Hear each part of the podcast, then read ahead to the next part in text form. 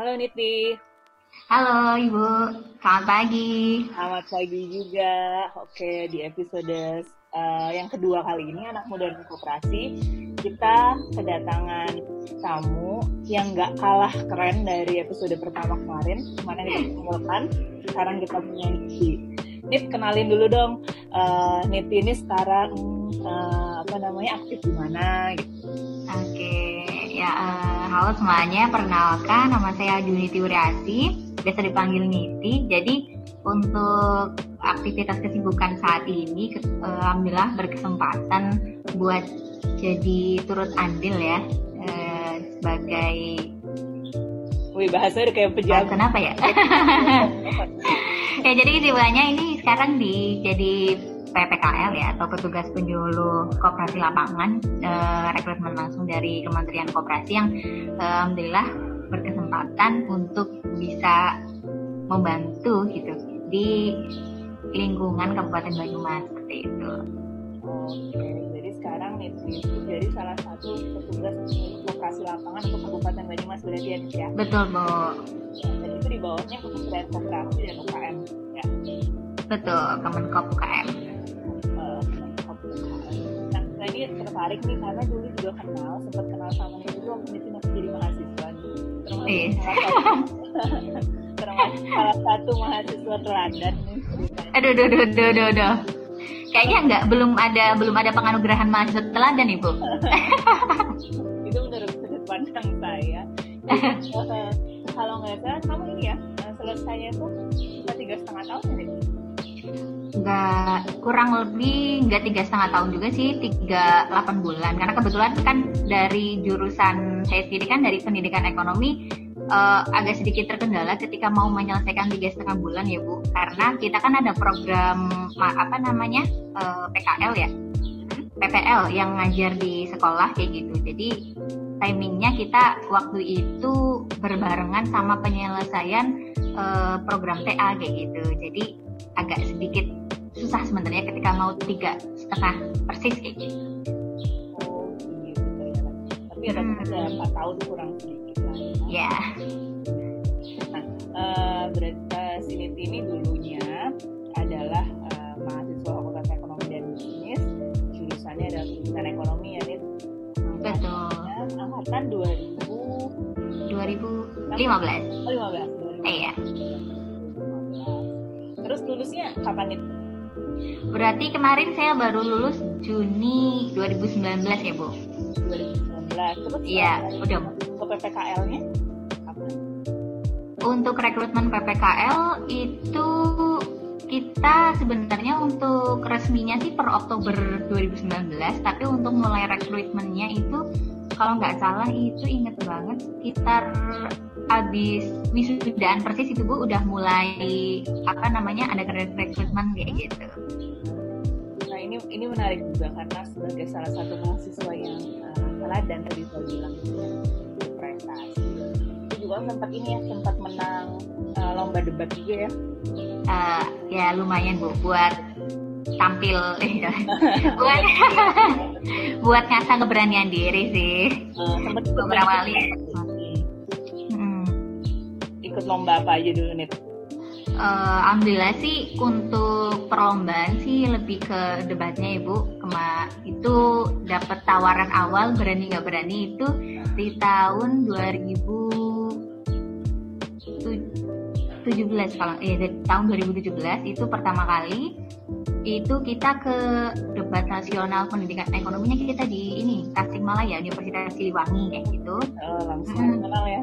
Iya, terus uh, ambil itu karena baru pertama kali pengalaman pertama jadi kita belum bisa naik panggung dapat sampai juara satu dua tiga sih masih uh, apa namanya uh, finalis harapan satu kayak gitu. Mm-hmm. Uh, terus habis itu kesempatan kedua karena saking penasaran dan masih pengen nyoba lagi dari uh, kita tim PE Pendidikan Ekonomi Unsur kita nyoba lagi di tahun 2018 itu kita ke ini bu ke Jember Universitas Jember uh, kayak gitu dan alhamdulillahnya kita bisa sedikit uh, apa namanya memberikan kepuasan lah dari diri kita kayak gitu kan. Yang kemarin sempat gak bisa naik panggung ini kita dapat juara tiga kayak gitu. Ya, mantap. Jauh-jauh Jember ternyata ini ya. Iya itu kita naik kereta serayu karena ya kita harus anak ekonomi jadi harus ekonomis. Harus ekonomis kita apa namanya naik kereta serayu ekonomi 13 jam itu kita tempuh kita bela-belain kayak gitu bolak-balik berarti lebih dari sehari ya kalau di uh, kalau dihitung iya. Nah ini hmm. menariknya itu ini uh, setelah kamu lulus kenapa pada akhirnya Niti bisa uh, terjun ke koperasi atau apa awalnya itu yang bikin uh, Niti tertarik untuk uh, ikut apa namanya ikut proses uh, uh, apa ya proses PPKL ini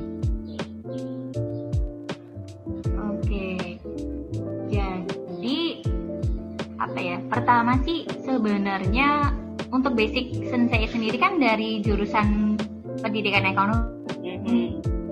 ya bu ya? Yeah. lebih ke yang hal mengajar seperti itu kan? Nah, nah saat itu pas awal ada rekrutmen itu saya mencoba untuk apa namanya gimana caranya bisa menambah pengalaman dengan tidak mengurangi dalam artian apa namanya eh, sedikit dalam ya passion hobi saya ke yang mengajar yang bisa apa namanya berbagi ilmu dan juga bermanfaat untuk sesama kayak gitu. Nah saat itu saya tertarik untuk mencoba ke kooperasi yang tidak lain ya apa namanya bisa dibilang apa ya ada hal unik yang saya tertarik dari kooperasi gitu bu. Nah, iya. saat ada apa open recruitment hmm. ada open recruitment yang PPKL selepas wisuda saya mencoba untuk uh, apa namanya mendaftar gitu. uniknya itu gimana itu gimana ya bu gimana ya gimana ya uh, kalau melihat dari konsep ataupun apa namanya definisi dari kooperasi itu sendiri yang sebenarnya uh, dia badan usaha yang apa namanya berbadan hukum tapi prinsipnya gotong royong kayak gitu bu. Hmm, value-nya prinsipnya itu menarik ya. Iya kayak gitu gotong royong. Nah jadinya saya sedikit apa apa jadinya saya tertarik awal itu. Ya, terus abis itu ke sini sini lebih tertarik lagi kayak gitu Oh gitu, semakin semakin tertarik bisa diceritain. Iya kayak gitu, jadi semakin greget kayak gitu loh. Oh gregetan, oke okay. cerita gimana gregetannya? Uh, gregetannya kan sekarang bisa dibilang koperasi itu kan sebenarnya uh, dia punya payung hukum kayak gitu. Hmm. Yang punya payung hukum yang biasanya ketika suatu badan usaha yang mungkin uh, berpayung hukum ataupun punya izin legal uh, itu biasanya ada kekuatan dari golongan-golongan tertentu kayak gitu bu yang menguasai usaha tersebut kayak gitu. Hmm. Namun di sini apa namanya berbeda halnya dengan koperasi kayak gitu jadi mereka ya berbadan hukum tetapi tidak mengurangi adanya kepemilikan perseorangan ataupun kelompok kayak gitu. Jadi kan karena eh, apa namanya kepemilikan usaha daripada kooperasi kan adalah eh, seluruh anggotanya kayak gitu. Dan di sini saya ngerasa apa namanya sudah banyak eh, anggota-anggota uh, ataupun uh, masyarakat yang terbantu dengan adanya kooperasi kayak gitu untuk skala yang mungkin kalau untuk di lingkungan Kabupaten Banyumas bisa dibilang ya untuk uh, apa namanya uh, untuk keperluan dari yang segi kecil, menengah ataupun besar mereka uh, bisa terbantu dengan kooperasi yang persyaratannya ataupun apa namanya agunan dan sebagainya itu tidak terlalu belibet dan juga tidak terlalu banyak. Lain halnya dengan mungkin uh, usaha-usaha lainnya kayak gitu. Okay. ada SHU-nya juga bu soalnya. Oh, dan ada SHU-nya juga. Berarti melihat sendiri nih ya di lapangan kalau ternyata memang kooperasi benar-benar uh, bermanfaat buat uh, orang-orang yang ada uh, buat anggota-anggotanya gitu ya nih iya bu benar soalnya ini juga sih bu apa namanya mereka terbentuknya ya karena memang kesadaran atas dasar kebutuhan bersama juga kayak gitu. Oke, berarti uh, sebagian besar koperasi yang itu uh, temuin itu biasanya mereka terbentuknya karena memang anggota-anggotanya memang sadar gitu ya pengen berkooperasi gitu. Alhamdulillah banyak temuannya seperti itu Bu didasarkan atas kebutuhan apa namanya para anggota untuk membentuk koperasi gitu. Oke. Nah, ini sekarang uh, kita ngomongnya soal suka dukanya jadi PPKL. kita mulai dulu mungkin dari yang manis-manisnya dulu. Sukanya yang manisnya. Iya. Oke. Okay. Sukanya adalah yang pertama itu ini Bu, apa namanya? Uh, banyak didoain orang. Uh, iya, kenapa banyak didoain orang? Karena biasanya kan untuk kadang kalau main ke koperasi ataupun komunikasi dengan para pengurus koperasi kayak gitu kan uh, didoainnya uh, apa namanya oh ya Mbak Niti semoga apa namanya uh, rezekinya lancar, semoga dapat jodoh, semoga cepet nikah. Nanti kalau ada undangan bagi-bagi ke sini kayak gitu kan. didoain sama pengurus-pengurusnya. Didoain sama pengurusnya kayak gitu. Baik-baik juga, welcome welcome juga, alhamdulillah uh, kayak gitu. Dan mereka senang kalau ada anak muda yang uh, apa namanya datang gitu yang uh, yang jadi PPKL gitu, yang terlibat di vokasi. Mereka senang nggak kalau ini dilihat Oke, okay, alhamdulillahnya sih kalau saya ngeliat sih uh, untuk sejauh ini dan semoga ke depannya sih apa namanya mereka senang dan juga welcome juga kayak gitu kan. Karena secara nggak langsung saya ngeliat sih sebenarnya mereka apa ya sedikit dibukakan dengan apa namanya hal-hal baru yang bisa dibilang ini adalah uh, apa namanya tantangan mereka di era baru kayak gitu. Karena bisa dibilang sih untuk kooperasi kan apa namanya uh, agak tertinggal ya. Iya gitu. Masih konvensional kayak gitu bu jadi apa namanya mereka ada ketertarikan untuk apa namanya uh, berubah ke arah yang teknologi kayak gitu. Ya mungkin karena memang keterbatasan permodalan kayak gitu. Jadi ya bertahan sih bu. Oke bertahap. Tapi memang uh, ketika ada ppkm yang anak muda ini paling enggak mereka udah mulai uh, ada keinginan untuk pelan-pelan untuk mencoba uh, ini ya niat mencoba apa uh, mengadopsi teknologi gitu. Iya betul. Apalagi ya. terutama sih sekarang kan uh, apa namanya dari pemerintah itu terkait untuk kayak misal permasalahan perizinan usaha kayak gitu kan sekarang kooperasi ketika mau ekspansi uh, mereka apa namanya tidak hanya memiliki satu izin usaha dalam artian badan hukum kooperasi saja kayak gitu. Hmm. Tapi ketika mungkin mereka mau membuka usaha apa namanya sebagai agen distributor ataupun produksi e, misalnya makanan dan sebagainya pasti mereka berkaitan dengan e, pelayanan izin usaha yang e, mungkin dialami sama badan usaha lainnya selain koperasi kayak gitu. Nah di sini kan dari pemerintah terkait untuk pelayanan perizinan sekarang sudah apa namanya diseragamkan dalam satu pintu pelayanan satu pintu kayak gitu yang bisa dibilang uh, lumayan cukup apa namanya memakan uh, waktu dan tenaga juga untuk bisa memprosesnya kayak gitu. Nah, ini sih juga yang apa namanya untuk beberapa koperasi yang memang uh, apa pengelolanya ini kurang gitu hmm. agak sedikit terhambat gitu. Tapi alhamdulillah karena kita memang uh, fungsi kita hadir untuk salah satunya membantu menjembatani koperasi dalam pengembangan usahanya sih kita apa namanya sebisa mungkin membantu dan mereka tambah lebih welcome kayak gitu. Oke, wah menarik juga nih. mulai mulai ini mulai kayaknya kamu udah mulai ketemu soulnya juga nih. Uh, ya iya sih bu. Soalnya apa ya bu? Sekarang kita sih sebenarnya kan untuk uh, waktu sebenarnya waktu sendiri kerja dari PPKN kita sebenarnya nggak terbatas waktu ibu bisa dibilang kita malah di kontrak kalian harus standby do, satu kali 24 jam kayak gitu jadi ketika mungkin ada kooperasi yang mungkin mau konsultasi ataupun mau bertanya kita baik itu jam 9 malam 10 malam ya bisa mungkin kita bisa melayaninya kayak gitu bu jadi uh, ya, ya kita harus apa ya ada seni lah ya yeah. bekerja ada ada saya sedang mencoba mencari seninya PPKL gitu. seninya menjadi PPKL. Iya. Full pelayanan berarti. Oke okay, nih. Uh, ini paling jauh ke koperasi mana kalau di Kabupaten Banyumas? Daerah paling ke mana? Uh, kita sih uh, kalau untuk saya sendiri sebenarnya wilayahnya wilayah cakupan apa namanya saya kecamatan Tumbang ada Gedung Banteng Batu Raden Purwokerto uh, ya dan paling jauh sih waktu itu saya pernah main sampai ke mana itu ya Gunglar kalau nggak tahu oh, juga iya waktu itu ada menghadiri RAT sih bu hmm. Iya, nah tadi kan kita udah ngomongin suka-sukanya. Sekarang dukanya gitu, gimana nih? Dukanya adalah kalau untuk yang pertama nih, kalau untuk yang pertama kita agak sedikit terhambat untuk menemukan kooperasi. Oh, Oke, okay. alamatnya alamat alamat suka ting ting nih.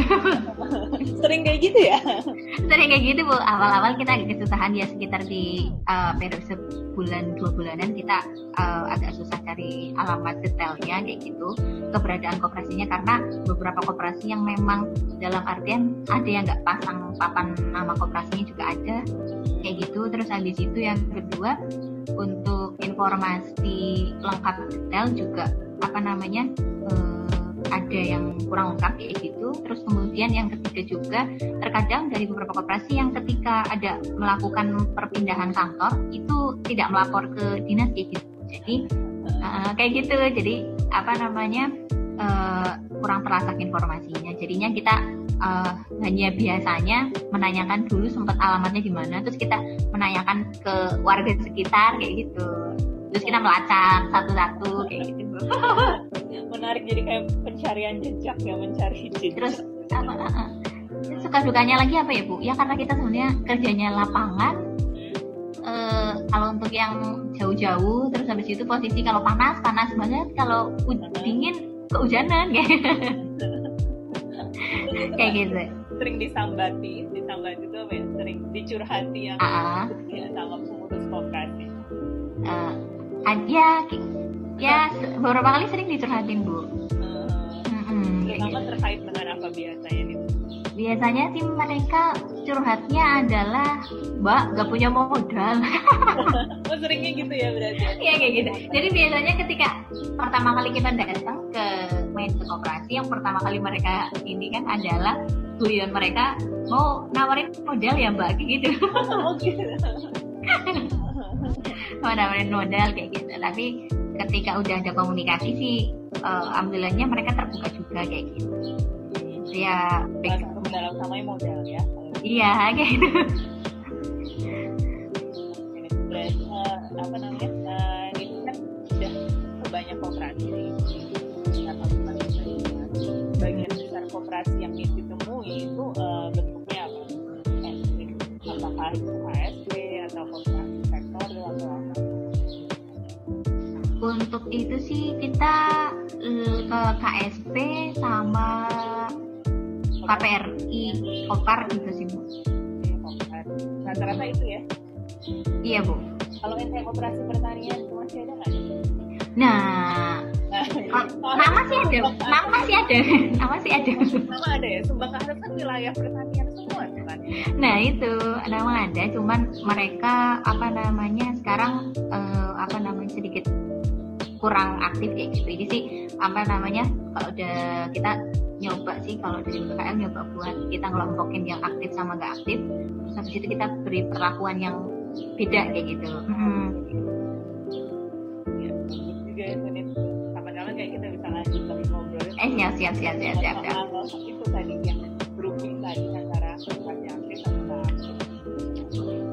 oke ini terakhir nih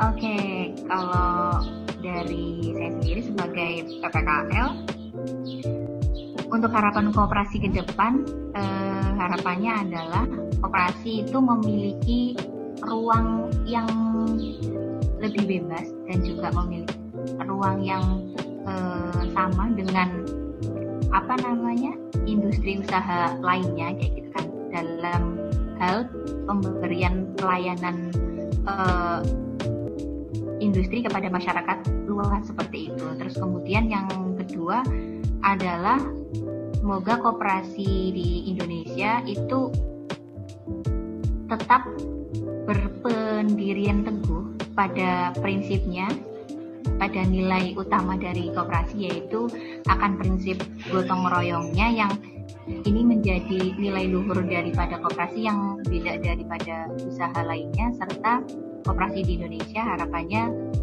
mampu mewujudkan masyarakat Indonesia yang mandiri tanpa adanya gangguan ataupun tanpa adanya hambatan dari pihak yang menyalahgunakan daripada koperasi itu sendiri.